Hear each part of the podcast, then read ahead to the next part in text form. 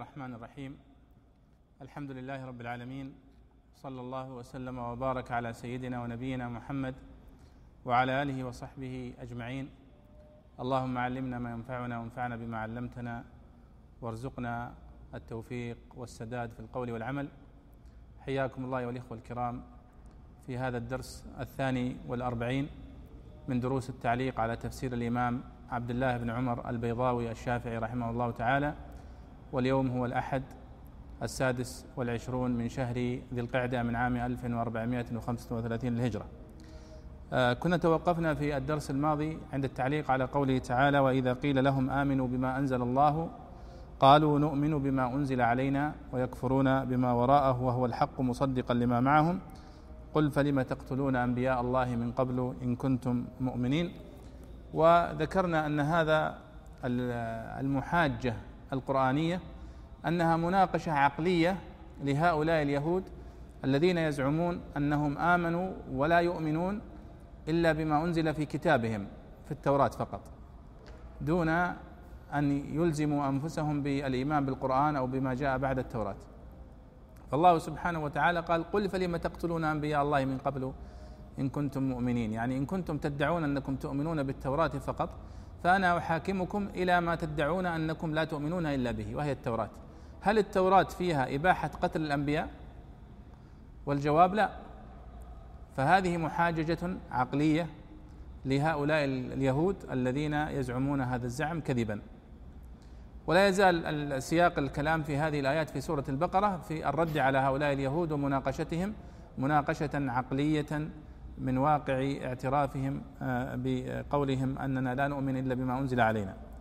ثم قال الله سبحانه وتعالى بعد ذلك ولقد جاءكم موسى بالبينات ولعلنا توقفنا عند هذه الآية في التعليق فلعلنا نقرأ منها.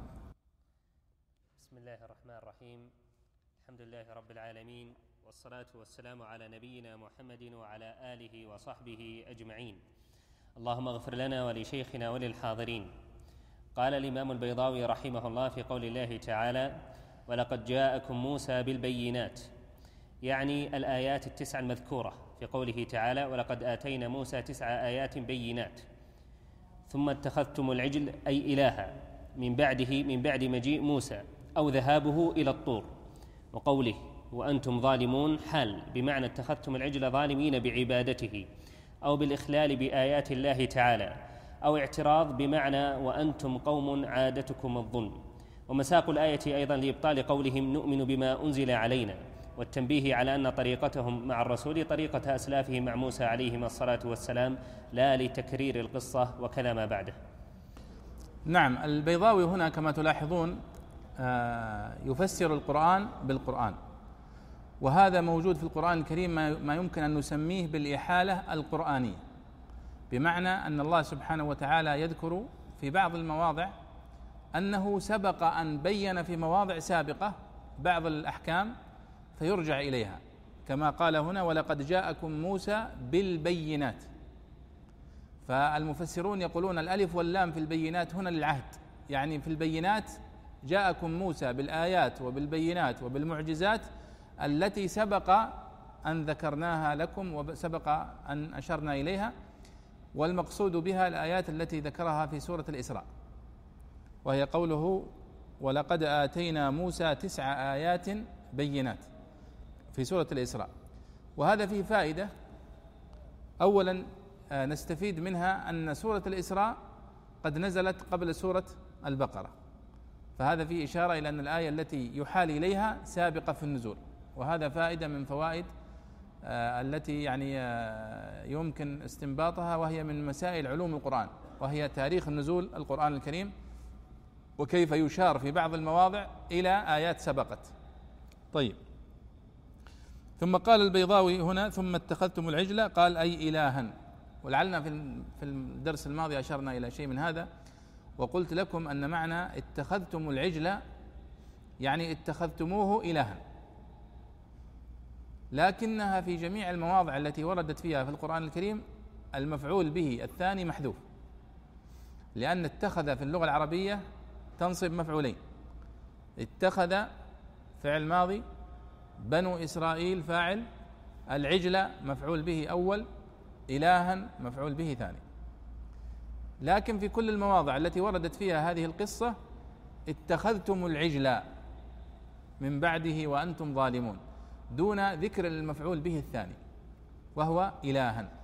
وقلنا أن الله سبحانه وتعالى حذف المفعول به الثاني هنا لأنه مستقبح ولا يليق أن يتخذ العجل إلها من دون الله سبحانه وتعالى.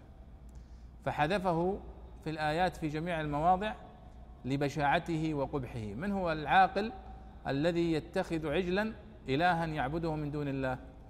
إنسان غير عاقل. فحذفت في جميع المواضع. قال من بعده الضمير هنا من بعد مجيء موسى أو ذهابه إلى الطور إلى آخره. ثم قال ومساق الآية أيضا وهذا أيضا من من الفوائد التي يذكرها البيضاوي أنه يبين لك سياق الآيات. ماذا تتحدث عنه الآيات؟ فقال ومساق الآيات أيضا لإبطال قولهم نؤمن بما أنزل علينا. طيب ما أنتم تقولون أنكم لا تؤمنون إلا بالتوراة فقط؟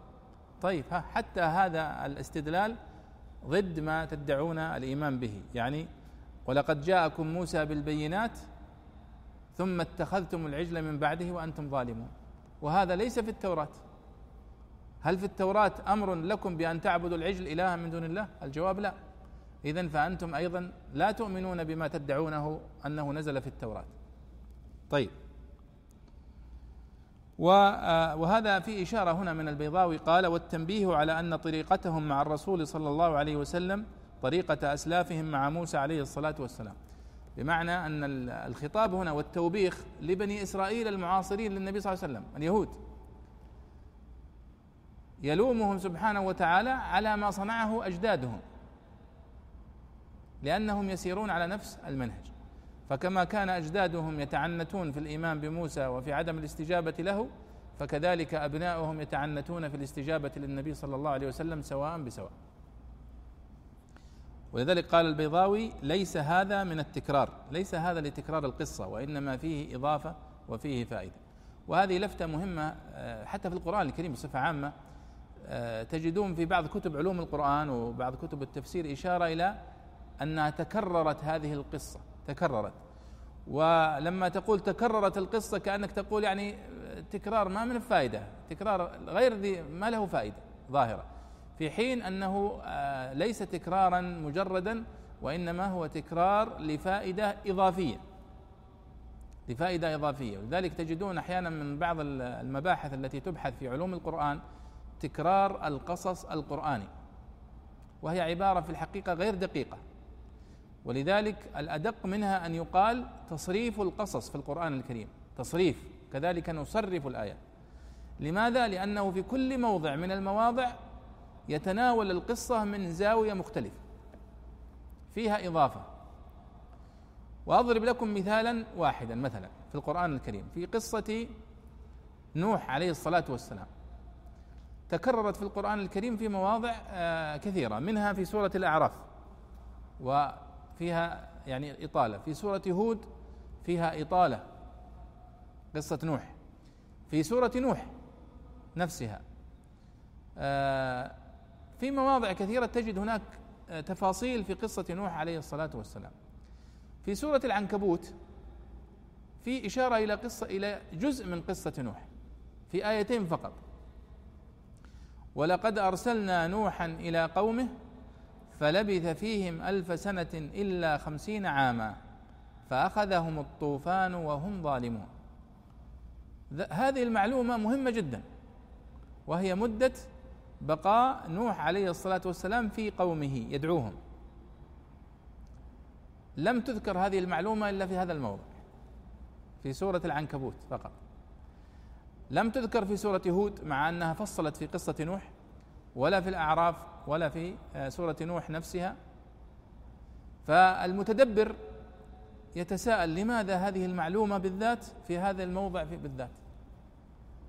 يعني في سورة العنكبوت ما تذكر قصة نوح إلا في هاتين الآيتين ثم تذكر معلومة مهمة لم تتكرر في لم تذكر إلا في هذا الموضع وهي مدة بقاء نوح في قومه ألف سنة إلا خمسين عاما. عندما تتأمل تجد أنه قد يكون السبب والله أعلم أن سورة نوح هي كما يقول بعض العلماء هي آخر سورة نزلت في مكة قبل الهجرة. وبعض العلماء يقول أنها نزلت في الطريق إلى المدينة.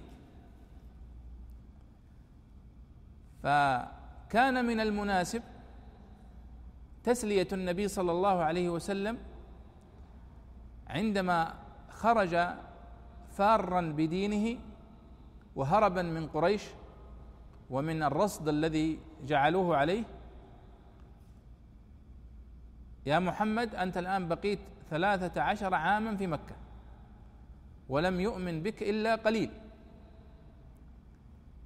وتجد أن في هذا مشقة عليك. انظر إلى نوح. لبث في قومه ألف سنة إلا خمسين عام كيف تقارن تسعمائة وخمسين سنة مع ثلاثة عشر سنة؟ ولا تكاد تذكر ليس كذلك. ففي هذا تسلية وتثبيت للنبي صلى الله عليه وسلم. ولاحظوا هذه معلومة مهمة في القصة في قصة نوح لم تذكر الا في هذا الموضع بالذات. عندما تدقق لماذا؟ تجد مثل هذه الملابسات التي تكشف لك أن كل آية في كل موضع مهما تكررت بنظر المستعجل القارئ إلا أن لها إضافة وفائدة مهمة آه، تناسب هذا الموضع بالذات. وهذا ما يسميه العلماء دلالة السياق. يعني السياق الذي وردت فيه الآية السياق الذي سبقها والسياق الذي لحقها. هذا السياق اللي يسمونه السياق المقالي في القرآن نفسه أو السياق الحالي الذي نزلت فيه وأسباب النزول. ولذلك يشمل كل هذا ما يسميه العلماء ملابسات النزول. بمعنى متى نزلت ولماذا نزلت وكيف نزلت. وهذا يعتبرونه من أخص خصائص العالم بالقرآن الكريم وهذا الذي آه، كان يفخر به عبد الله بن مسعود رضي الله عنه ويقول والذي نفسي بيده ما من آية في كتاب الله إلا وأنا أعلم أين نزلت زمن النزول وفي من نزلت سببها ولماذا؟ آه، ومتى نزلت؟ يعرف المكان الذي نزلت فيه وسبب النزول والزمن. ولو كنت أعلم أحدا أعلم مني بكتاب الله تبلغه المطي لرحلت إليه. فهذا يعتبر من خصائص العالم بالقرآن الكريم. هو هذه المعرفة الدقيقة التفصيلية. تجدونها في بعض كتب التفسير من يركز على هذه القضايا يبين السياق دلالة السياق. لماذا في هذا الموضع ذكر كذا وفي هذا الموضع ذكر كذا؟ والإمام البيضاوي هنا يذكر هذا عندما قال ومساق الآية أيضا لإبطال قولهم. نؤمن بما أنزل علينا. والتنبيه على أن طريقتهم مع الرسول طريقة أسلافهم مع موسى عليه الصلاة والسلام لا لتكرير القصة وكذا ما بعده. طيب يا صالح. أحسن الله إليك. قال تعالى: وإذ أخذنا ميثاقكم ورفعنا فوقكم الطور خذوا ما آتيناكم بقوة واسمعوا. أي قلنا لهم خذوا ما أمرتم به في التوراة بجد واسمعوا سماع طاعة. وقوله قالوا سمعنا قولك وعصينا أمرك وأشربوا في قلوبهم العجل. تداخلهم حبه ورسخ في قلوبهم صورته لفرط شغفهم به كما يتداخل الصبغ الثوب والشراب أعماق البدن. وفي قلوبهم بيان لمكان الإشراب كقوله تعالى إنما يأكلون في بطونهم نارا بكفرهم بسبب كفرهم وذلك لأنهم كانوا مجسمة أو أو حلولية ولم يروا جسما أعجب منه فتمكن في قلوبهم ما سول لهم السامري. وقوله قل بئس ما يأمركم به إيمانكم أي بالتوراة والمخصوص بالذم محذوف نحو هذا الأمر أو ما يعمه وغيره من قبائحهم المعدودة في الآيات الثلاث إلزاما عليهم. وقوله إن كنتم مؤمنين تقرير للقدح في دعواهم الإيمان بالتوراة وتقديره إن كنتم مؤمنين بها لم يأمركم بهذه القبائح ولا يرخص لكم فيها إيمانكم بها. أو إن كنتم مؤمنين بها فبئس ما يأمركم به إيمانكم بها. لأن المؤمن ينبغي ألا يتعاطى إلا ما يقتضيه إيمانه لكن الإيمان بها لا يؤمر به فإذا لستم بمؤمنين. جميل. طبعا أيضا هذه الآية تأتي في سياق محاججة النبي صلى الله عليه وسلم لهؤلاء اليهود. وهذا فيه إشارة أيها الإخوة على الجدل الذي كان دائرا في المدينة بعد أن هاجر النبي صلى الله عليه وسلم إلى المدينة واستقرت به الحال. كان هناك مجادلات تحدث بينه وبين علماء اليهود. ونقاشات واختلافات لأنهم كانوا يختلطون في مجتمع واحد وكانوا يحاججونه يعني يقولون يعني ما جئت به باطل. وكان بعض الصحابة يجلسون مع هؤلاء اليهود فيسمعون منهم التوراة ويناقشونهم. فهذا هو من هذا الجدل العقلي الذي كان يدور.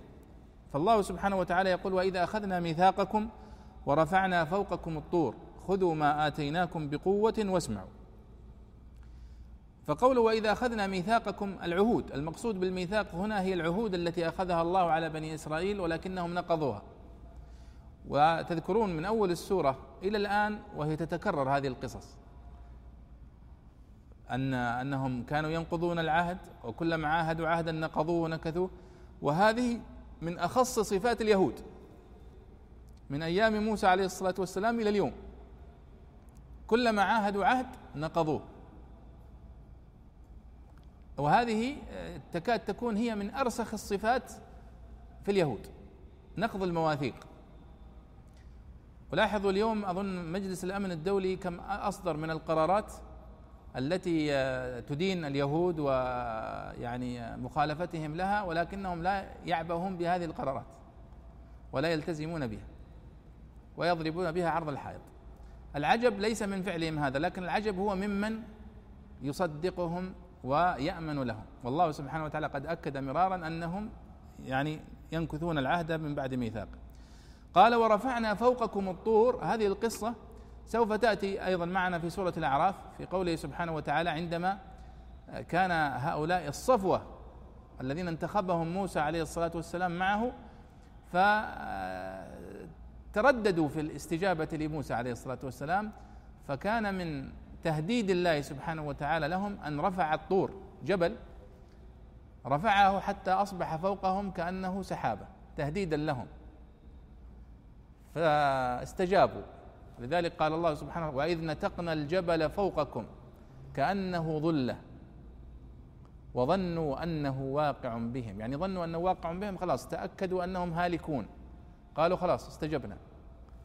لكن يرجعون مرة أخرى. خذوا ما آتيناكم بقوة واذكروا ما فيه لعلكم تتقون. هذا في سورة الأعراف. ولذلك جاء بعد هذه الآية في سورة الأعراف قول الله تعالى وإذ أخذ ربك من بني آدم من ظهورهم ذريتهم وأشهدهم على أنفسهم ألست بربكم؟ قالوا بلى شهدنا. أن تقولوا يوم القيامة إنا كنا عن هذا غافلين. أو تقولوا إنما أشرك آباؤنا من قبل وكنا ذرية من بعدهم أفتهلكنا بما فعل المبطلون؟ وكذلك نفصل الآيات ولعلهم يرجعون.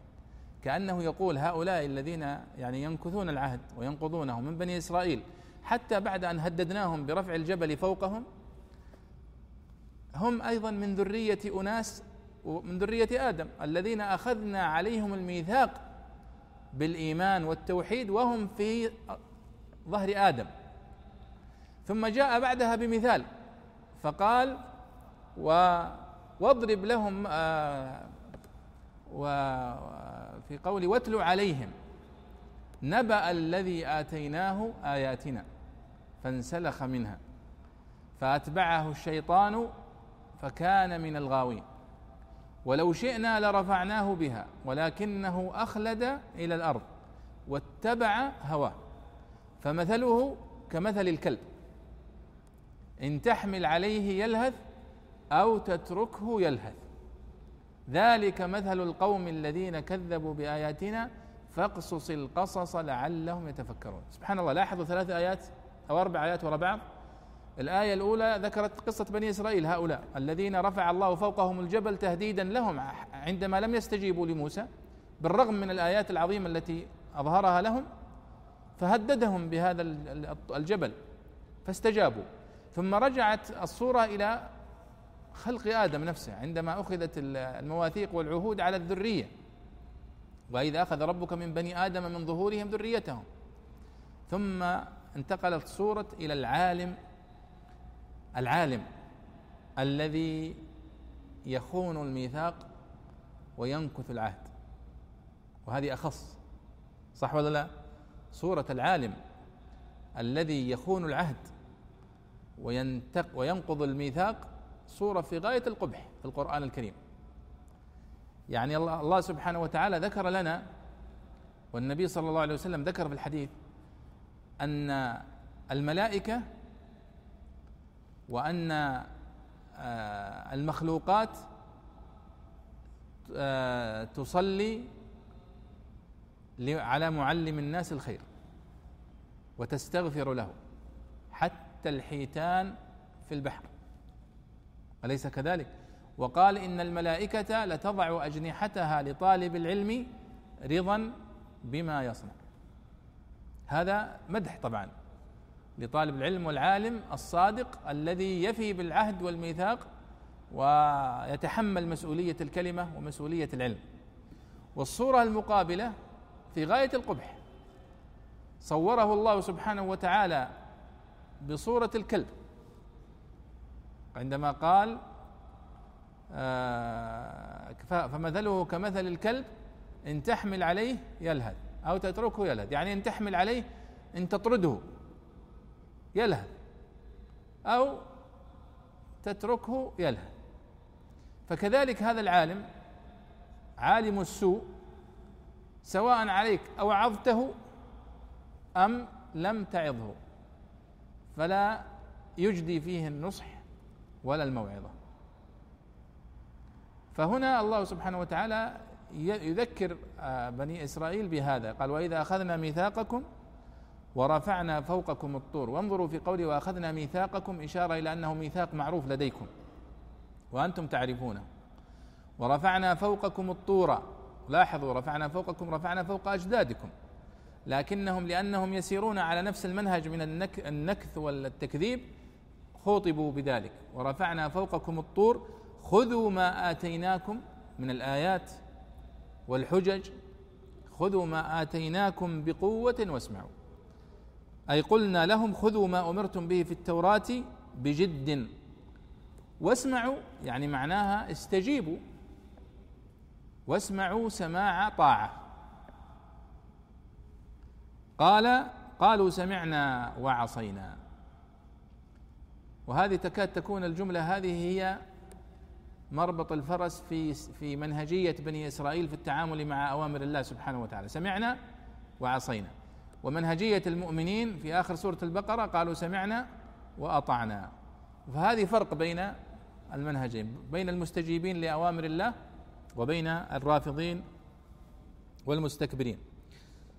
قال وأشربوا في قلوبهم العجلة لاحظوا في هذا الموضع تكرر في مواضع كثيرة. وأشربوا في قلوبهم العجلة أول شيء التعبير بقوله أشربوا. مع أن الشرب ما يكون إلا الاشياء السائلة تشرب الماء أو تشرب العصير أو. لكنه هنا يقول أنهم أشربوا حب العجل. وأشربوا في قلوبهم العجل. فالمفسرون يقولون معناها أشربوا حب العجل. وعبر الله هنا بالشرب إشارة إلى أنهم قد تشربت قلوبهم بمحبة هذا العجل. وخالطت محبته شغاف قلوبهم. هذا هو معنى أشربوا. لذلك قال البيضاوي هنا وأشربوا في قلوبهم العجل قال تداخلهم حبه ورسخ في قلوبهم صورته لفرط شغفهم به. كما يتداخل الصبغ الثوب. يعني لما تصبغ الثوب الآن بلون أحمر مثلا خلاص يصبح لون الثوب أحمر لأنه أشرب هذا اللون الثوب تماما. والشراب أعماق البدن. وفي قلوبهم بيان لمكان الإشراب كقوله تعالى مثلا إنما يأكلون في بطونهم نارا. إن الذين يأكلون أموال اليتامى ظلما إنما يأكلون في بطونهم نارا. مع أنك لو تتأمل النار ما تؤكل.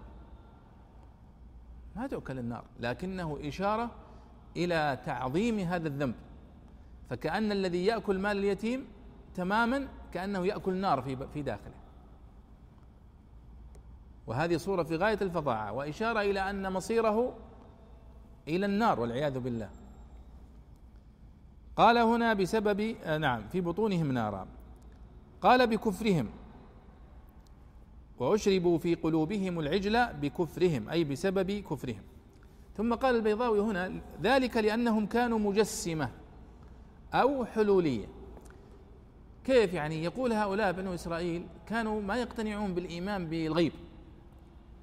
وهذا ظاهر فعلا في أخلاق بني إسرائيل لأن موسى كلما جاءهم بأمر قالوا مثل البقرة على سبيل المثال اللي مرت معنا إن الله يأمركم أن تذبحوا بقرة وكان يكفي أن يذبحوا أي بقرة لكنهم يبغون تجسيم أكثر وتحديد أكثر وتوضيح أكثر حتى خلصوا إلى بقرة عند واحد مدري وين طلع فين طلعوها.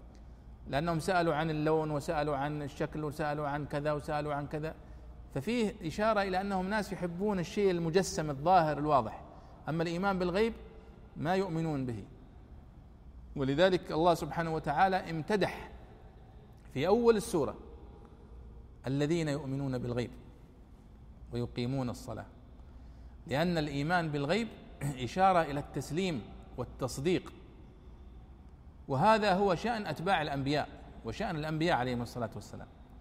ما دام أنك آمنت بأن محمد صلى الله عليه وسلم هو نبي صادق وآمنت بأن موسى نبي صادق بالأدلة التي ظهرت لك فلماذا لا تسلم بكل ما يأتون به؟ لأن التسليم بكل ما يأتون به تسليم مبني على تسليمك بإيمانك بهم أصلا بتصديقهم أنهم أنبياء.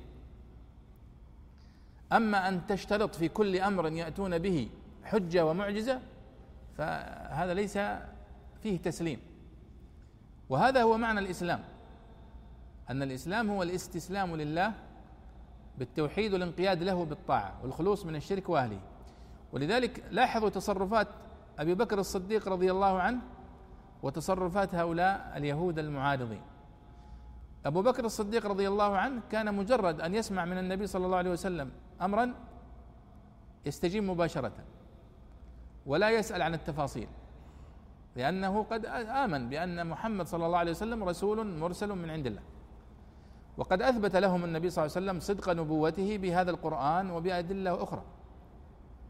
فأصبح السؤال عن التفاصيل تنطع وتهرب من الاستجابة.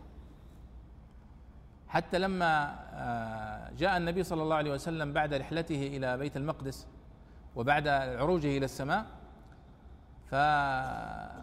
فانتشر الخبر في قريش أن أن محمد قد يزعم أنه قد أسري به إلى بيت المقدس وقد عرج به إلى السماء السابعة وأنه قد عاد من ليلته. هذا كلام ما ما يدخل الدماغ يعني ولا يدخل المخ. كيف يعني؟ نحن نذهب شهر ونعود شهر. إلى بيت المقدس وأنت في نفس الليلة. كلام يعني فهم كانوا يستغلون هذا الخبر لت يعني سخريه من النبي صلى الله عليه وسلم. فقالوا لأبي بكر ما كان يدري عن الخبر. والكلام هذا ربما في مباشرة في الفجر. قالوا يا أبا بكر هل سمعت ماذا يقول صاحبك؟ قال ماذا يقول؟ قال يزعم أنه قد أسري به إلى بيت المقدس وعاد من ليلته. ونحن نضرب إليها أكباد الإبل شهرا. فقال لهم كلمة جميلة أبو بكر. قال إن كان قال ذلك فقد صدق. أنا ما سمعتها أصلا لكن إن كان قال ذلك فقد صدق. ليش؟ قال نحن نصدقه بما هو أبعد من ذلك. نصدقه بالوحي من السماء. فكيف لا نصدقه أنه يعني أسري به إلى بيت المقدس وعاد؟ شوفوا الفرق بين منهجين. وبين شخصية المصدق المستجيب المنقاد وبين شخصية المعاند المكذب. وأيضا الفرق بين الجزاء بين جزاء هذا المستجيب الصادق وبين جزاء المعاند المكذب. بل حتى إنها تتفاوت درجات التصديق. يعني آه والعلم عند الله سبحانه وتعالى أن كل ما زادت درجة الصديقية والتصديق والاستسلام زادت مرتبته ودرجته عند الله سبحانه وتعالى. ولذلك وصف أبو بكر رضي الله عنه بالصديق. وأصبحت ملازمة له. فيقال أبو بكر الصديق. أليس كذلك؟ وجعل الله مرتبة الصديقين مرتبة عالية لأنهم سريعو الاستجابة لأمر الله وسريعو الانقياد له. طيب ثم قال الله سبحانه وتعالى هنا آه قل بئس ما يأمركم به إيمانكم إن كنتم مؤمنين. طبعا ذكر البيضاوي هنا يقول أن بني إسرائيل كانوا مجسمة أو حلولية وهو يقصد بالمجسمة الذين لا يؤمنون إلا بالتجسيم الجسم المشاهد. وحلولية أيضا من نفس المعنى. وإن كان مصطلح التجسيم والحلولية مصطلحات يعني أصبحت من المصطلحات الكلامية والمصطلحات العقدية التي دخلت كتب العقيدة والتي يقصدون بها المجسمة الذين يشبهون الله سبحانه وتعالى بخلقه بالأجسام. فيقولون له عين كأعيننا وله يد كأيدينا وهذا باطل طبعا. طيب أيضا ذكر هو آه، قصتهم مع السامري قصة بني إسرائيل مع السامري لما صنع لهم العجل هذا الذي له خوار وأنهم بدأوا يعبدونه من دون الله. آه، وهذا يؤكد يعني هذا المعنى أنهم ناس يعني يؤمنون بالأشياء المجسمة ولا يؤمنون بغيرها. قال قل بئس ما يأمركم به إيمانكم إن كنتم مؤمنين. أيضا هذا كما قلنا هي محاجة عقلية يعني كنتم تدعون أنكم تؤمنون بالتوراة هل هذا مذكور في التوراة؟ أنكم أن هذا العجل هو إله لكم من دون الله وأنكم تتعلقون به هذا التعلق هذا باطل وهذا غير موجود في التوراة. وسوف يأتي معنا في سبب نزول الآية التي بعدها كيف كانوا هم يعني يرجعون للتوراة في هذا ويجادلون المسلمين بها. قال إن كنتم مؤمنين تقرير للقدح في دعواهم الإيمان بالتوراة. وتقديره يعني إن كنتم مؤمنين بما يأمركم به الله سبحانه وتعالى في التوراة فماذا لماذا هذا الكفر ولماذا هذا الشرك؟ وهو آه، يعني غير موجود حتى في التوراة. طيب وهذا أيضا من الحجج العقلية التي يرد بها على هؤلاء المكذبين. وفيها إشارة أيضا فائدة إلى أن من أفضل ما تحاجج به المعاندين أن تحاججهم إلى ما يدعونه من قواعد ومن حجج. ولذلك ابن تيمية رحمه الله كان يقرر مسألة مهمة جدا ويقول أن أصحاب الباطل أيا كان منهجهم في حججهم التي يحتجون بها ما يؤكد بطلانها. ولكن الموفق هو من وفق لاكتشاف هذا الباطل الذي في أدلتهم وفي قواعدهم.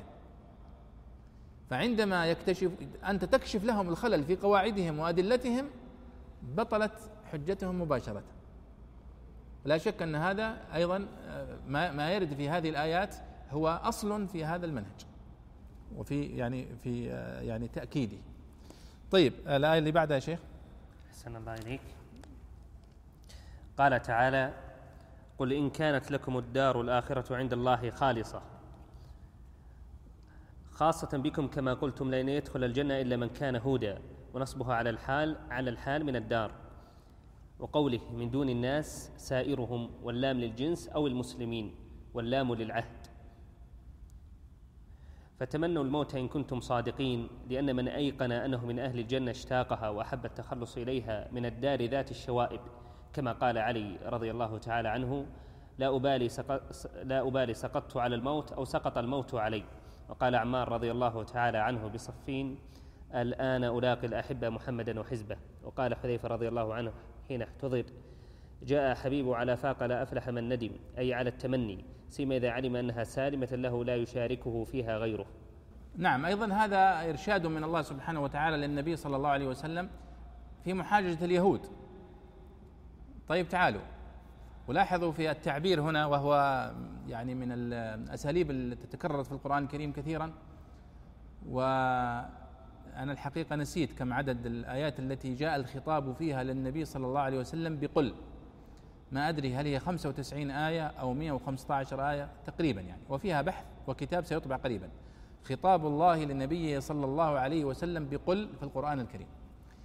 آه الله سبحانه وتعالى كان يلقن النبي صلى الله عليه وسلم الحجة. تعال يا محمد هم يقولون لك كذا قل لهم كذا قل لهم كذا. ولا شك أن هذا يعني تثبيت للنبي صلى الله عليه وسلم. يعني كأنه يقول إذا سألوك قالوا لك كذا فقل لهم كذا. فأين أنت من من رجل يلقنه الله سبحانه وتعالى الحجة التي يرد بها على المعارضين؟ لا شك أن هذا يعني مكانة عظيمة واحتجاج قوي جدا أن يكون الله سبحانه وتعالى هو الذي يلقنك الحجة. وأضرب لذلك مثالا ولله سبحانه وتعالى المثل الأعلى. يتخيل واحد منكم مثلا أنه في اختبار. في اختبار مادة صعبة. وأثناء الاختبار يأتي مدرس المادة نفسه فيملي عليك الأجوبة. فيقول يعني السؤال هذا اكتب كذا. قل في جواب السؤال الفلاني كذا. طبعا خلاص ما دام هو مدرس المادة هو اللي يملي عليك الجواب. فالله سبحانه وتعالى يلقن النبي صلى الله عليه وسلم الاجوبه ويقول قل لهم كذا. من ضمنها يقول قل إن كانت لكم الدار الآخرة. اليهود معروفون بأنهم قوم يحبون الحياة. ويخافون خوفا شديدا من الموت. وهذا يعتبر من من نقاط ضعفهم. ولذلك تلاحظون في الحروب التي تحدث بين اليهود وبين المسلمين يقتل من المسلمين عدد كبير فلا يزيدهم ذلك إلا إصرارا وإقداما وشجاعة وأن هذا شهيد في سبيل الله. وأما اليهود فيقتل منهم الواحد فيعني يصابون بحالة من الرعب والخوف لأنهم يعني متعلقون بهذه الحياة. هذه قاعدة معروفة عنهم. فالله سبحانه وتعالى يقول للنبي صلى الله عليه وسلم طيب أنتم يا بني إسرائيل تدعون أن الآخرة لكم خالصة من دون الناس؟ لأنهم قالوا وقالوا لن يدخل الجنة إلا من كان هودا. قال الله تلك أمانيهم. فيلا اختبر اختبرهم بهذا السؤال. قل إن كانت لكم الدار الآخرة عند الله خالصة من دون الناس فتمنوا الموت. بس تمنوا الموت. تمنوا بألسنتكم. خلونا نسمعكم ونشوف أنكم فعلا تتمنون الموت. ولذلك قال إن كانت لكم الدار الآخرة خالصة يعني خاصة بكم من دون الناس. يعني ما أحد يدخل الجنة إلا إلا هم. وقوله من الناس هنا يقول البيضاوي الناس من دون الناس إما أن المقصود بها جنس الناس كلهم وأنه لن يدخل إلا هؤلاء اليهود. أو أن المقصود من دون الناس أي من دون المسلمين بالذات يعني أنه أنتم يا المسلمون لا تدخلوا الجنة لن يدخلها إلا نحن. فتكون اللام لام العهد. وهذا هنا يعني لاحظوا كيف التفريق في التفسير. عندما يفسر المفسر منطلقا من الدلالات اللغوية والنحوية. فيقول عندما قل إن كانت لكم الدار الآخرة عند الله خالصة من دون الناس. إذا قلنا أن الألف واللام في قولنا الناس هي لام الجنس إذا المقصود بها الناس جميعا. وهذا لا شك أنه أدل على يعني عنصرية اليهود. يعني كأنه لا يدخل أحد لا من من قبلهم ولا من بعدهم إلا هم فقط. وهذا من شدة حسدهم طبعا أنهم لا يريدون أحد يدخل الجنة إلا هم. وإما أن نقول أن الألف واللام هي للعهد لأنهم هم يناقشون المسلمين في هذه الآيات. فيكون الألف واللام للعهد والمقصود بها المسلمين. قال فتمنوا الموت إن كنتم صادقين. والحقيقة هو الطلب بسيط. الطلب الذي طلبه النبي صلى الله عليه وسلم هنا منهم طلب بسيط يعني أنهم يتمنون فقط يقولون نتمنى أن نموت. لأننا متأكدين أننا سوف نذهب إلى الجنة. كما يدعون طبعا. فقال الله اختبرهم بهذا. اجعلهم يت... قل لهم يتمنون الموت. إن كانوا صادقين أن الآخرة خالصة لهم. قال لماذا؟ قال لأن من أيقن أنه من أهل الجنة اشتاقها وأحب الوصول إليها. وذكر هنا مقولة عن علي بن أبي طالب وعن عمار بن ياسر أنهم كانوا يتمنون الموت. ويقولون يعني آه، غدا نلقى الأحبة. يقصدون النبي صلى الله عليه وسلم. لأنهم موقنون بأن الله سبحانه وتعالى قد وعدهم بالجنة وأنهم متبعون للنبي صلى الله عليه وسلم ولذلك يتمنون الموت وهم مطمئنون. أما هؤلاء اليهود الكذبة فإنهم لا يتمنون الموت. ولذلك ذكر في الآية التي بعدها أنهم لا يمكن أن يتمنوا الموت. أيوة اقرأ يا شيخ. أحسن الله إليك. قال تعالى ولن يتمنونه أبدا بما قدمت أيديهم. ولن يتمنوه. ولن يتمنون ولن يتمنوه أبدا بما قدمت أيديهم. من موجبات النار كالكفر بمحمد صلى الله عليه وسلم والقرآن وتحريف التوراة. ولما كانت اليد العاملة مختصة بالإنسان آلة لقدرته بها عامة صنائعه ومنها أكثر منافعه عبر بها عن النفس تارة والقدرة أخرى.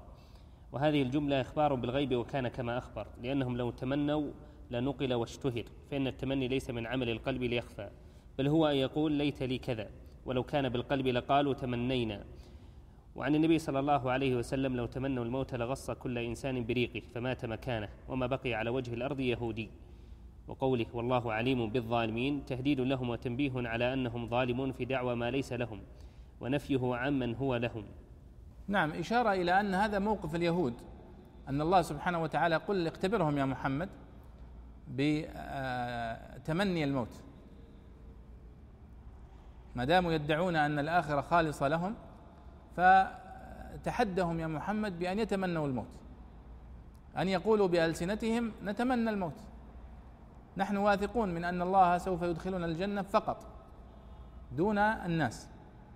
فقال ولن يتمنوه ابدا بما قدمت أيديهم. يقول لا يمكن أحد من اليهود يتمنى الموت لأنهم يعلمون ما قدمت أيديهم أي بما اقترفوا من الكفر والتكذيب والعناد.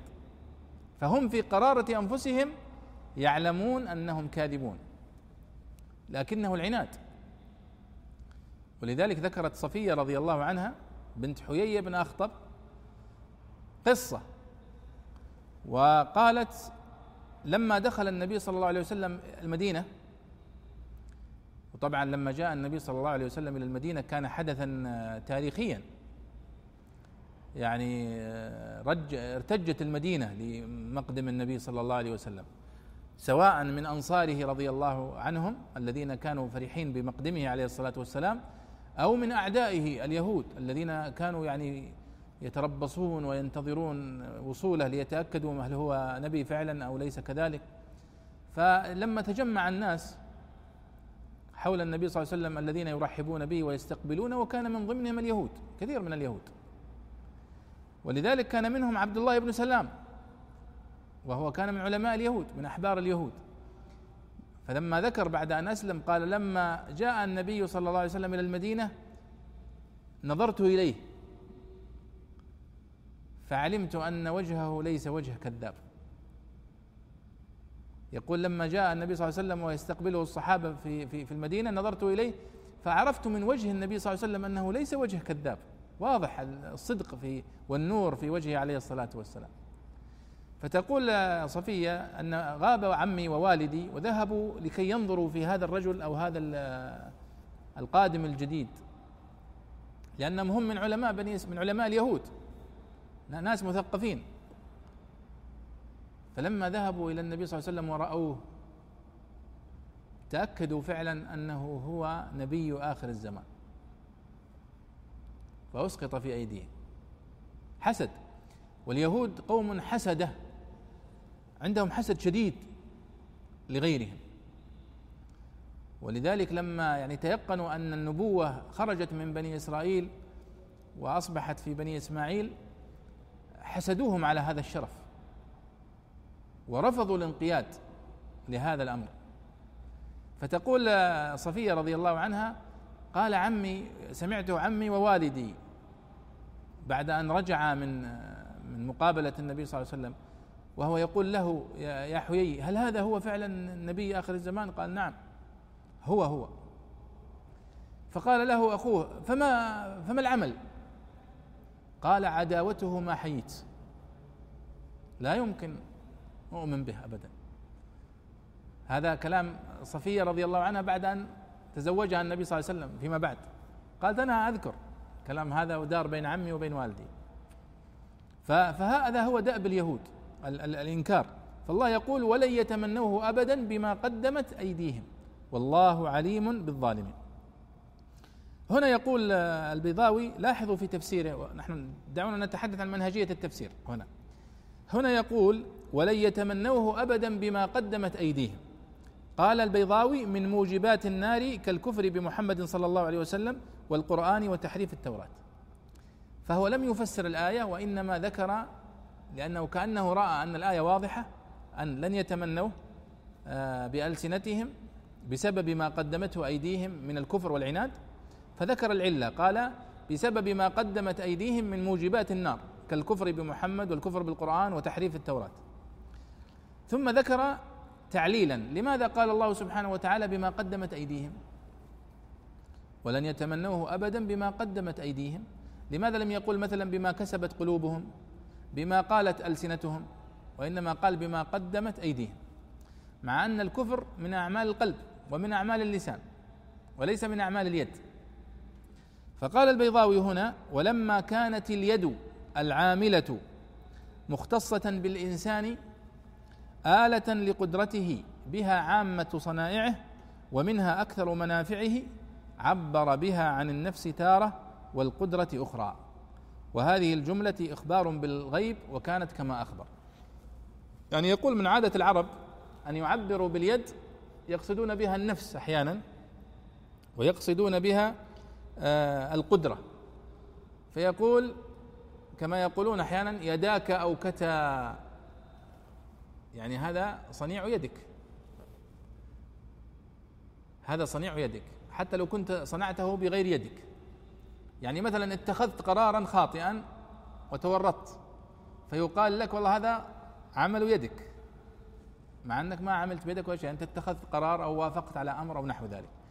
فهذا أسلوب إشارة إلى يعني النفس بما ولن يتمنوه ابدا بما قدمت أيديهم يعني بما عملوا. ثم قال البيضاوي وهذه الجملة إخبار بالغيب. فوقعت كما أخبر. وهذه أيضا من علامات النبوة من علامات نبوة النبي صلى الله عليه وسلم. كيف؟ وقد ذكرها البيهقي في دلائل النبوة وغيره. آه في سورة تبت يد أبي لهب وتب هي فيها علامة نبوة أيضا. كيف ذلك؟ هي علامة نبوة من حيث أن النبي صلى الله عليه وسلم قد أخبر بخبر كان بإمكان هؤلاء أن يكذبوه فيفعلوا ما يخالفه وهو عليهم هين ولكنهم لم يفعلوا. فأبو مثلا أبو لهب عندما نزل قول الله تعالى تبت يدا أبي لهب وتب ما أغنى عنه ماله وما كسب سيصلى نارا ذات لهب وامرأته حمالة الحطب في جيدها حبل من مسد. كان بالإمكان أن يقول أبو لهب تزعم يا محمد أني سأدخل النار؟ أشهد أن لا إله إلا الله وأشهد أنك رسول الله. فيكذب القرآن. القرآن يجزم بأنه سوف يدخل النار وسوف يحدث له كذا وكذا يعني معنى كلامه أنه لن يؤمن أبدا. لا يمكن أبو لهب هذا يؤمن وفعلا لم يؤمن أبو لهب ومات على كفره فدل على أن هذا من علامات نبوة النبي صلى الله عليه وسلم وأنه لا ينطق عن الهوى عليه الصلاة والسلام وأن هذا الوحي الذي جاء به وحي من الله سبحانه وتعالى. ليش؟ لأنه يحول بين المرء وقلبه. ومثلها هذه الآية الله سبحانه وتعالى يقول ولن يتمنوه كان بإمكان هؤلاء اليهود أن يقولوا نتمنى الموت. فتكذب فيكذبوا ما ما ذكر في القرآن. لكنه لم يتمنى أحد منهم الموت ولم يحفظ لنا التاريخ أن يهوديا منهم تمنى الموت. فكان هذا علامة من علامات صدق هذا القرآن ومن دلائل نبوة النبي صلى الله عليه وسلم. ولذلك هي من من الإخبار بالغيب. ولا أحد يستطيع أن يضمن الغيب أيها الإخوة. إلا الله سبحانه وتعالى. ولذلك ينتزع العلماء مثل هذه الآيات لإشارة إلى أن هذه من علامات النبوة ومن علامات صدق هذا القرآن لأنه لم يستطع هؤلاء أن يخالفوها ويخرموها. مع أنه كان بإمكان من يقول نتمنى الموت وهي مجرد كلام فقط. وأيضا أبو لهب كان بإمكان أن يدعي الإيمان ولكنه لم يحدث. قال لأنهم لو تمنوا لنقل واشتهر فالتمني ليس من عمل القلب ليخفى بل هو أن يقول ليت لي كذا وكذا ولو كان بالقلب لقالوا تمنينا. طيب ثم ذكر حديثا عن النبي صلى الله عليه وسلم فقال أن النبي قال لو تمنوا الموت لغص كل إنسان بريقه فمات مكانه وما بقي على وجه الأرض يهودي. وهذا الحديث يذكر في كتب التفسير وهو حديث ضعيف لأنه من رواية آه، أبي صالح آه، أو من رواية الكلبي عن أبي صالح عن ابن عباس. وهذه الرواية هي أضعف الروايات كما يسميها علماء الحديث يسمونها سلسلة الكذب. عن النبي صلى الله عليه وسلم أبو الكلبي عن أبي صالح عن عن ابن عباس لأن أبو صالح هذا متهم بالكذب وكذلك آه، الكلبي. طيب. ثم قال الله سبحانه وتعالى والله عليم بالظالمين. هذا تذييل للآية.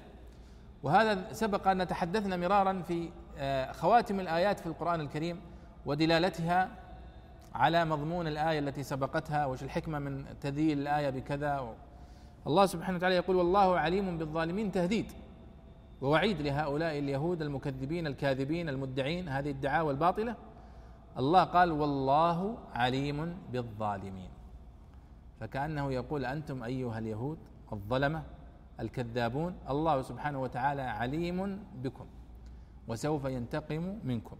تهديد لهم وتنبيه على أنهم ظالمون في دعوى ما ليس لهم ونفيه عما هو لهم. طيب. اذا كل هذا أيها الإخوة الآيات التي معنا إلى حد الآن كلها من باب المحاججة العقلية لهؤلاء اليهود وفيها إشارة إلى ذلك الجو الذي كان سائدا في النقاش والحوار مع هؤلاء في زمن النبي صلى الله عليه وسلم. طيب. ولا تجدنهم أحرص الناس. ولاحظوا أيضا هنا فائدة عظيمة أيها الإخوة. الوحي كان ينزل على النبي صلى الله عليه وسلم بهذه التفاصيل التي تكشف له نفسيات الأعداء. يعني اليوم الآن لو اتخذ المسلمون ما اتخذوا من وسائل آه، استخباراتية وسائل تجسس عالمية دقيقة لا يمكن بحال من الأحوال أن ترصد من الأعداء ما يرصده الوحي للنبي صلى الله عليه وسلم.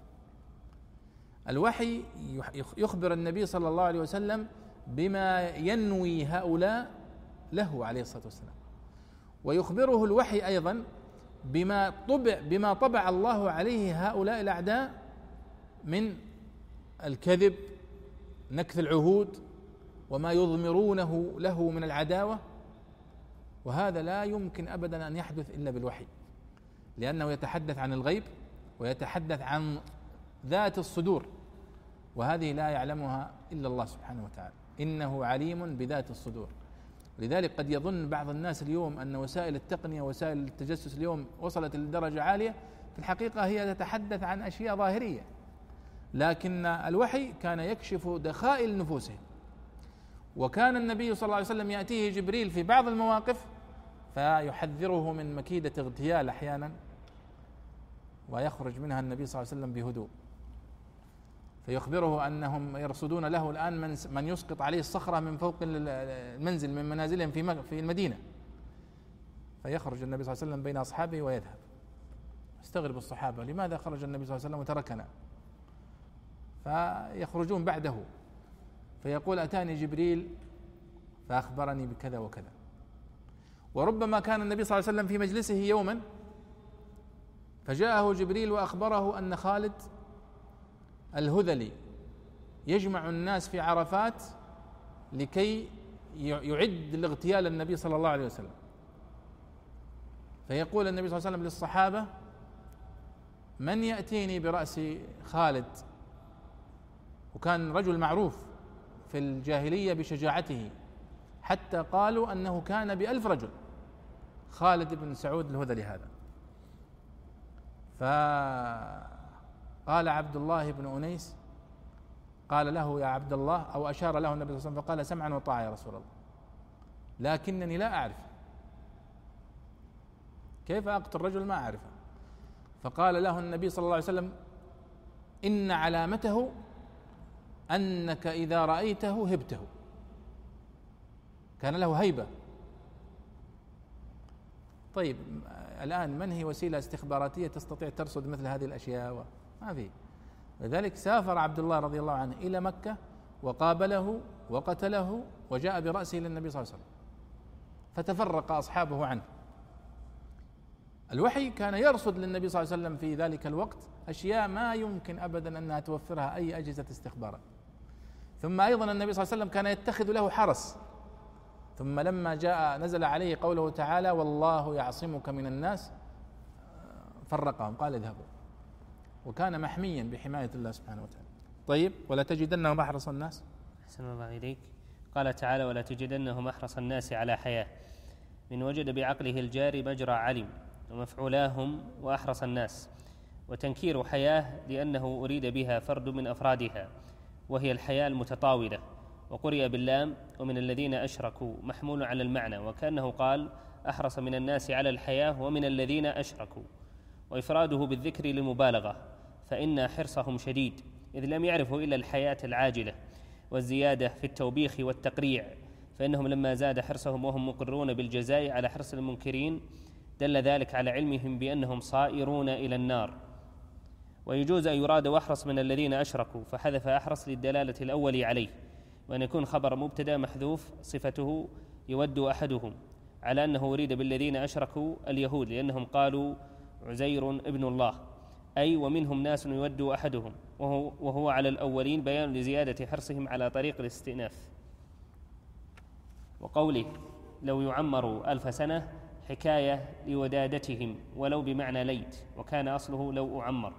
فأجري على الغيب فأجري, فأجري على الغيبة لقوله يود كقولك حلف بالله لا يفعلن. وقوله وما هو مزحزحه من العذاب أن يعمر الضمير لأحدهم أن يعمر فاعل مزحزح. وأي وما أحدهم بمن يزحزحه من العذاب تعميره أو لما دل عليه يعمر وأن يعمر بدل منه أو منهم وأن يعمر موضحة.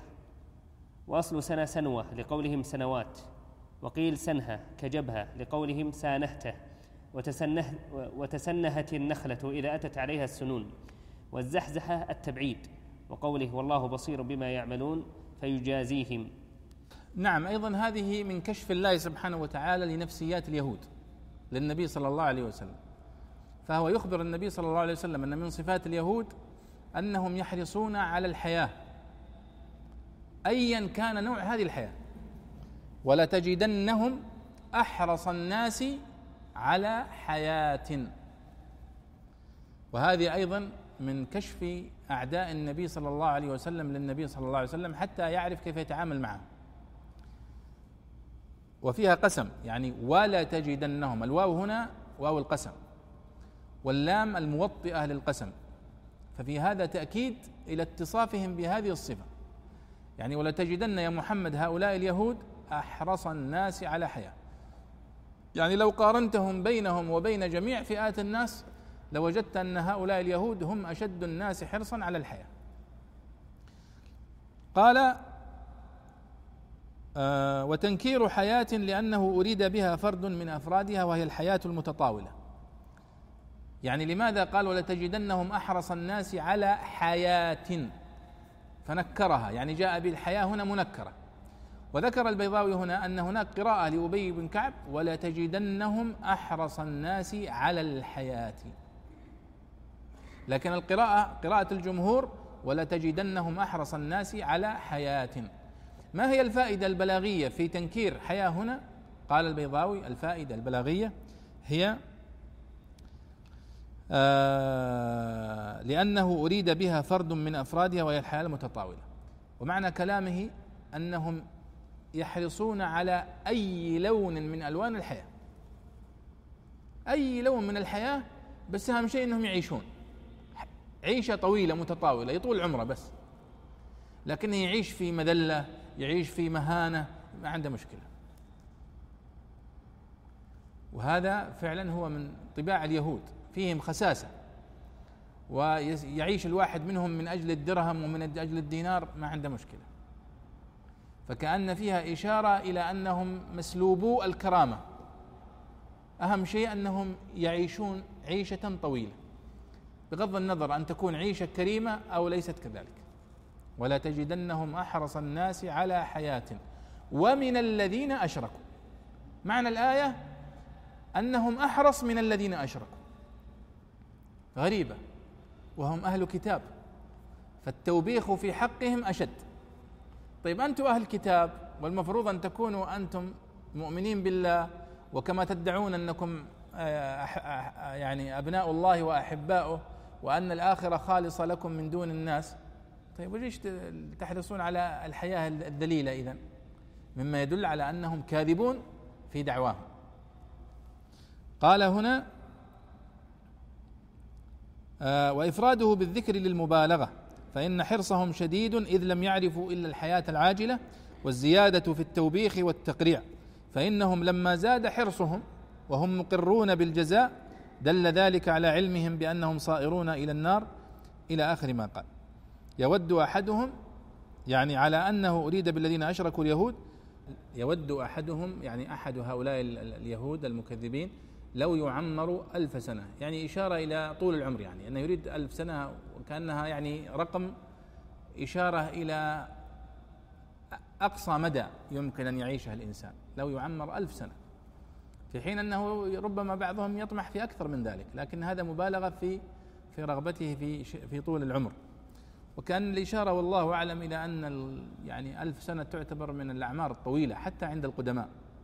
ولذلك نوح عليه الصلاة والسلام عندما بقي في قومه ألف سنة إلا خمسين عاما. إشارة إلى أنه قد يكون هو توفي وعمره ألف سنة. ربما بعث في الخمسين ربما ونحو ذلك. قال وما هو بمزحزحه من العذاب أن يعمر؟ يعني ليس هذا الطول أو في العمر سيزحزحه من العذاب ما دام مكذبا. فإنه لن يزيده طول العمر إلا ضلالا ووبالا ما دام مكذبا. ولذلك قال النبي صلى الله عليه وسلم خيركم من طال عمره وحسن عمله. فالعبرة هي بحسن العمل آه، قبل طول العمر. ثم البيضاوي هنا يحلل تحليلا لغويا المقصود بالسنة. فيقول في قوله لو يعمر ألف سنة قال السنة أصل سنة سنوة لقولهم في جمعها سنوات. وهذه مسألة صرفية. عندما تريد سنة أصلا وش, وش معنى يعني سنة؟ قال سنة أصلها أصلها سنوة. لأنك عندما تريد أن تجمع سنة تقول ماذا؟ سنوات. هذه الواو ظهرت في الجمع. ولم تظهر في المفرد. سنة. مما يدل على أن أصلها كان فيه واو لكنها حذفت لأسباب كثيرة. العرب تحذف الحروف لأسباب كثيرة تخفيفا أو لغير ذلك. فيقول أصلها سنوة بدليل أنها في الجمع سنوات. طيب وقيل هذا الاشتقاق الآخر أنها سنهة سنة أصلها سنهة ثم قيل سنة حذفت الهاء مثل على وزن جبهة. ويستدل بماذا؟ لأن علماء الصرف دائما يستدلون على حذف الحرف أو عدم حذفه بتقليب تقليب الاشتقاق. فمثلا يأتون بالجمع يأتون بالمصدر يأتون بالفعل فيظهر لهم الحذف الحرف المحذوف. أو يظهر لهم الحرف الأصلي. فيقول لأن العرب تقول في الفعل سانهته. يعني واحد مثلا استأجرت منه المزرعة بالسنة فتقول سانهت صالح في هذه المزرعة. سانهته يعني أخذتها منها السنة فظهرت الهاء فيها سانهته. قالوا فاصلا مفردها سنهة. وأيضا تسنهت النخلة إذا مشت عليها سنين طويلة يقال والله هذه النخلة تسنهت. تسنهت يعني إيش؟ يعني مر عليها سنوات طويلة. فهذا إشارة إلى أن أصل السنة سنها لأنها في الفعل يقال سانهته وتسنهت إلى آخره. وهذه فائدة مهمة وهي تشير إلى أهمية علم الصرف للطالب علم التفسير. حتى يستطيع على الأقل أن يفهم كلام المفسرين. عندما يمر مثل هذه العبارات يعرف المقصود بالاشتقاق والأصل الاشتقاقي وكيفية تقليب الكلمة حتى تحصل على الحرف الزائد ونحو ذلك. وهي من تعتبر من المباحث المهمة جدا في علم الصرف. سبق أني أشرت لكم في أكثر من درس إلى ضرورة قراءة كتاب مختصر ملخص في علم الصرف وذكرت لكم كتاب آه، الحملاوي اللي هو آه، آه، عنوان الكتاب الحملاوي نزهة الطرف أو شذا العرف شذا العرف في فن الصرف. طيب. قل من كان عدوا لجبريل؟ أحسن الله إليه قال تعالى قل من كان عدوا لجبريل. نزل في عبد الله بن سوريا سأل رسول الله صلى الله عليه وسلم عمن ينزل عليه بالوحي. فقال جبريل فقال ذاك عدونا عادانا مرارا. وأشدها أنه أنزل على نبينا أن بيت المقدس سيخربه بخت نصر فبعث من يقتله فرآه ببابل فدفع عنه جبريل. وقال إن كان ربكم أمره بهلاككم فلا يسلطكم عليه وإلا فبما تقتلونه. وقيل دخل عمر رضي الله تعالى عنه مدراس اليهود يوما فسألهم عن جبريل فقالوا ذاك عدونا يطلع محمدا على أسرارنا وإنه صاحب كل خسف وعذاب. وميكائيل صاحب الخصب والسلام فقال وما, منزلت وما منزلتهما من الله؟ قالوا جبريل عن يمينه وميكائيل عن يساره وبينهما عداوة. فقال لئن كانا كما تقولون فليس بعدو بعدو بعدوين بعدوين. ولأنتم أكثر من الحمير. ومن كان عدو أحدهما فهو عدو الله. ثم رجع عمر فوجد جبريل قد سبقه بالوحي فقال عليه الصلاة والسلام لقد وافقك ربك يا عمر. طيب لحظة دعنا نشرح هذا. طبعا هذه الآية آه، في قوله تعالى قل من كان عدوا لجبريل فإنه نزله على قلبك بإذن الله. إشارة هنا يذكر البيضاوي آه، سبب نزول هذه الآية. تلاحظون البيضاوي الآيات التي فيها سبب نزول يذكرها. الآيات التي لا يذكر لا يوجد فيها سبب نزول يتجاوزها. فهذه الآية ذكر لها العلماء الطبري وذكر لها آه، الواحدي في كتاب أسباب النزول ذكر لها سبب نزول. قال البيضاوي هنا قل من كان عدوا لجبريل نزل في عبد الله ابن سوريا. وعبد الله بن سوريا يهودي من يهود فدك. وفدك هي منطقة من المناطق التي فيها النخل حول المدينة. يعني قريبة الله أعلم يعني بين خيبر وبين تبوك منطقة اسمها فدك. كان اليهود ينزلون فيها. كما ذكرنا في مناسبات أخرى أن اليهود كانوا يعرفون أنه سيبعث نبي في آخر الزمان وأنه سوف ينزل في منطقة فيها نخيل. فلما جاءوا إلى الجزيرة العربية يعني شافوا المناطق التي ينبت فيها النخيل واستوطنوا فيها. صار بعض اليهود سكنوا في تيماء منطقة تيماء الموجودة الآن لأن ينبت فيها نخل. وكان من اليهود المشهورين الذين أقاموا فيها وكانوا رؤساء فيها السموأل بن عادياء الشاعر المشهور ووالده عادياء صاحب يعني له قصائد مشهورة في الجاهلية وكان يضرب به المثل في الوفاء كما يعني كان يلقبه بذلك النابغة الذبياني وغيره. وهو صاحب القصيدة المشهورة جدا التي تعتبر من عيون الأدب العربي في الجاهلية التي يقول فيها إذا المرء لم يدنس من اللؤم عرضه فكل رداء يرتديه جميل وإن هو لم يحمل على النفس ضيمها فليس إلى حسن الثناء سبيل. ثم يقول فيها يقول يقرب حب الموت آجالنا لنا وتكرهه آجالكم فتطول آه إلى آخر ما قال السماء بن عادية. ومن ضمن يعني أبياته المشهورة في افتخاره بأنه كان وفيا أن امرأ القيس لما آه قتل بنو أسد قتلوا والده آه أراد أن يستنصر بأحد آه، يعينه على هؤلاء الذين قتلوا والده وأخذوا ملكه.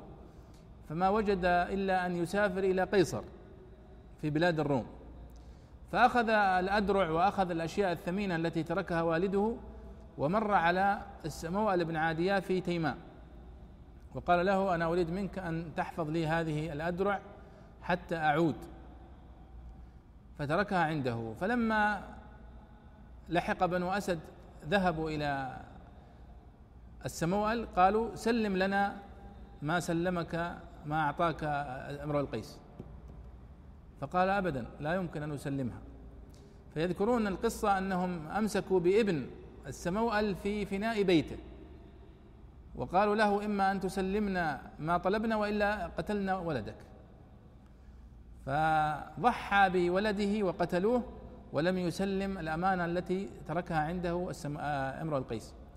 ولذلك يقول في قصيدة له يقول آه، بنى لي عادية حصنا حصينا وبئرا كلما شئت استقيت وفيت بأدرع الكندي إني إذا ما خان خوان وفيت. ولذلك مدحه النابغة الذبياني آه، بقصيدة جميلة يقول من من ضمن أبياتها يقول اقتل اقتل أسيرك إني مانع جاري. فالشاهد أنهم كانوا يسكنون في تيماء اليهود ويسكنون في فدك. ويسكنون في خيبر ويسكنون في المدينة. ويترقبون مجيء النبي صلى الله عليه وسلم. يعلمون أنه سوف يأتي ويهاجر إلى منطقة من هذه المناطق التي ينبت فيها النخيل. مما يدل على أنهم لم يكونوا يعرفوا مكانه بالضبط. أين سيأتي تيماء يأتي إلى المدينة يأتي خيبر ما عندهم خبر. فلما جاء إلى المدينة تأكدوا منه وعرفوا مكانه. فهذا عبد الله بن سوريا الذي نزلت هذه الآية فيه جاء إلى النبي صلى الله عليه وسلم وسأله بعض الأسئلة وناقشه بعض المناقشات. ذكرها البيضاوي هنا ذكر هذه الأسباب وأيضا ذكرها الواحدي بشيء من التفصيل. في آه، عند حديثه عن هذه آه، الآية وذكر رواية عن سعيد بن جبير عن ابن عباس أنه قال أقبلت يهود إلى النبي صلى الله عليه وسلم فقالوا يا أبا القاسم نسألك عن أشياء فإن أجبتنا فيها اتبعناك. أخبرنا من الذي يأتيك من الملائكة. فإنه ليس نبي إلا يأتيه ملك من عند ربه عز وجل بالرسالة وبالوحي. فمن صاحبك؟ قال جبريل. قالوا ذلك الذي ينزل بالحرب وبالقتال ذاك عدونا. لو قلت ميكائيل الذي ينزل بالقطر والرحمة تابعناك. فأنزل الله تعالى من كان قل من كان عدوا لجبريل فإنه نزله على قلبك إلى آخره. وذكر أيضا البيضاوي كما تلاحظون رواية أن عمر رضي الله عنه دخل إلى مدراس اليهود. مدراس اليهود هي منطقة المكان الذي يتذاكر فيه اليهود آه، التوراة والعلم وبعض العلماء يقول أن المدراس اليهود هو مكان عبادتهم يعني.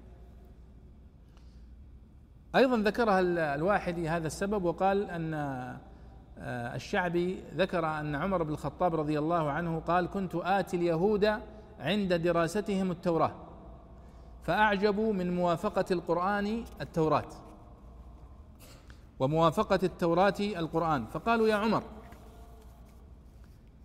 ما أحد أحب إلينا منك. قلت ولما؟ قالوا لأنك تأتينا وتغشانا. قلت إنما أجيء لأعجب من تصديق كتاب الله بعضه بعضا. وموافقة التوراة القرآن. وموافقة القرآن التوراة. قال فبينما أنا عندهم ذات يوم إذ مر رسول الله صلى الله عليه وسلم خلف ظهري. فقالوا إن هذا صاحبك فقم إليه.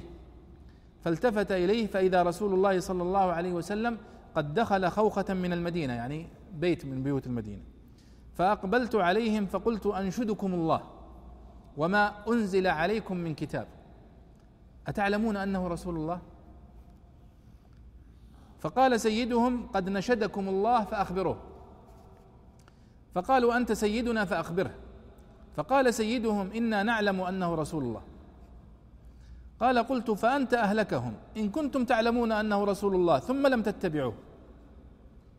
فقالوا إن لنا عدوا من الملائكة وسلما من الملائكة. فقلت من عدوكم ومن سلمكم؟ قالوا عدونا جبريل وهو ملك الفظاظة والغلظة والآصار والتشديد. قلت ومن سلمكم؟ قالوا ميكائيل وهو ملك الرأفة واللين والتيسير. قلت فإني أشهد وهذا الذي ذكرها البيضاوي هنا. قلت فإني أشهد.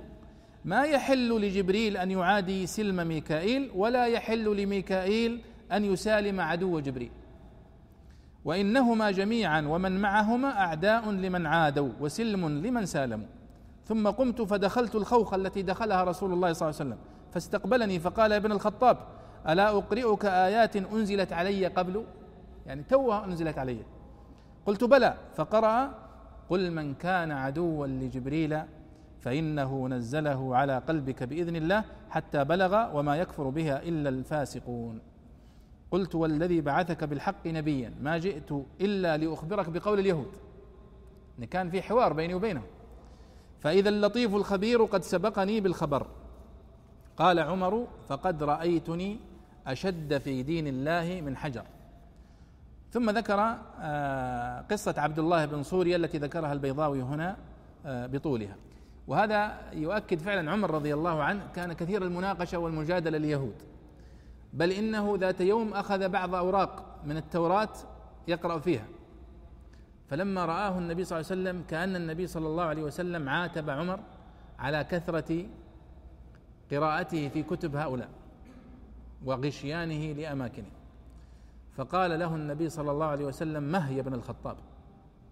كأنه يعني زودها مه يا ابن الخطاب. والذي نفسي بيده. لو كان موسى وفي رواية لو كان أخي موسى حيا ما وسعه إلا اتباعي. فترك عمر رضي الله عنه ما بيده ولاطف النبي صلى الله عليه وسلم. وهذه الروايات التي يذكرها الواحدي ويذكرها البيضاوي إشارة إلى مقصد عمر رضي الله عنه من غشيانه لمجالس بني إسرائيل وسماعه لما عندهم. قال إنما كنت أغشاهم يا رسول الله لما كنت أسمع من موافقة القرآن لما عندهم وموافقة ما عندهم للقرآن. مما يدل على أنهم مكذبون حتى بالقرآن بالتوراة التي عندهم. والقرآن فيما بين أيدينا من مناقشات هنا هو يقول أنتم تدعون أنكم لا تؤمنون إلا بما في التوراة؟ طيب حتى الذي في التوراة أنتم تكذبونه. التوراة ليس فيها إشارة إلى عبادة العجل وأنتم تعبدون العجل. التوراة ليس فيها أمر بقتل الأنبياء وأنتم تقتلون الأنبياء. آه إلى آخره إلى آخره. فهذا احتجاجات عقلية عليهم بما يدعون أنهم لا يؤمنون إلا به أيضا. وهذا أولا هذا منهج البيضاوي تلاحظون في إيراده لأسباب النزول. وأنه رحمه الله كان يعتني فعلا بإيراد أسباب النزول عندما تحتاج عندما يحتاج إليها. ثم ذكر البيضاوي بعد ذلك اللغات في كلمة جبريل. ماذا قال؟ أحسن الله إليك. وفي جبريل ثمان لغات قرر بهن أربع في المشهور جبرائيل كسلسبيل قراءة حمزة والكسائي. وجبريل بكسر الراء وحذف الهمزة قراءة ابن كثير. وجبرائيل كجمحرش قراءة عاصم برواية أبي بكر. وجبريل كقنديل قراءة الباقين. وأربع في الشواذ جبرائيل وجبرائيل كجبراعيل وجبرائيل وجبرين ومنع صرفه للعجمة والتعريف ومعناه عبد الله جميل. آه هذا أيضا البيضاوي يحلل الآية تحليلا لغويا.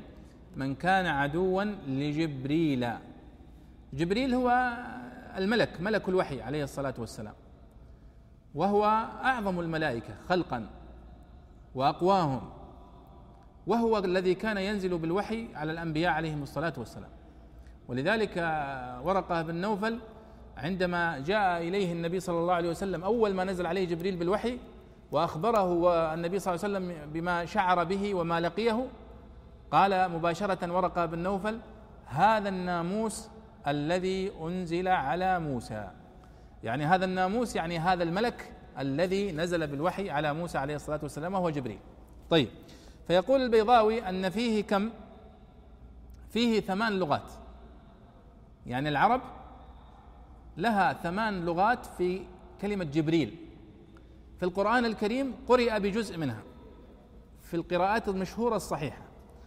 قال المشهور جبرائيل كسلسبيل قراءة حمزة والكسائي. يعني حمزة الزيات الكوفي والكسائي الكوفي. يقرؤون من كان عدوا لجبرائيل لجبرائيل. فإن الله عدو للكافرين. من كان عدوا لجبرائيل. على وزن سلسبيل. وجبريل بكسر الراء وحذف الهمزة. قرأ بها ابن كثير. من كان عدوا لجبريل. لجبريل. وجبرائيل كجحمرش. قراءة عاصم برواية أبي بكر. يعني نحن الآن نقرأ برواية حفص عن عاصم. من كان عدوا لجبريل. شعبة عن عاصم من كان عدوا لجبرائيل فإن الله عدو للكافرين. وكذلك في جميع المواضع. طيب. وجبريل كقنديل قراءة الباقين من العشرة. من كان عدوا لجبريل من كعاصم حفص, حفص عن عاصم وغيره. طيب. وأربع قرئ بها في القراءات الشاذة. والقراءات الشاذة كما قلنا في مواضع أنها القراءات التي زادت عن القراءات العشر. قراءة الأعمش وابن محيصن والحسن آه كانوا يقرؤون جبرائيل جبرائيل وجبرائيل وجبرأل وجبرين جبرين. والآن بعض الناس يسمي جبرين أليس كذلك؟ ويسمون جبريل أيضا. قال ومنع صرفه للعجمة والتعريف ومعناه عبد الله. يعني جبريل معناه عبد الله. تماما زي ما قلنا في يعقوب صح؟ يعقوب معناها باللغة العبرية عبد الله وجبريل أيضا نفس المعنى. فإذا هذا تحليل من الإمام البيضاوي رحمه الله لمعنى كلمة جبريل واللغات التي يستعملها العرب في نطق كلمة جبريل ولعلنا نتوقف إن شاء الله عند هذا الموضع. على أمل إن شاء الله أن نكمل هذه الآية بإذن الله في المجلس القادم. ونسأل الله سبحانه وتعالى أن يفقهنا وإياكم في كتابه. وأن يرزقنا وإياكم العمل والاتباع. إنه سبحانه وتعالى سميع مجيب. وصلى الله وسلم على سيدنا ونبينا محمد وعلى آله وصحبه أجمعين.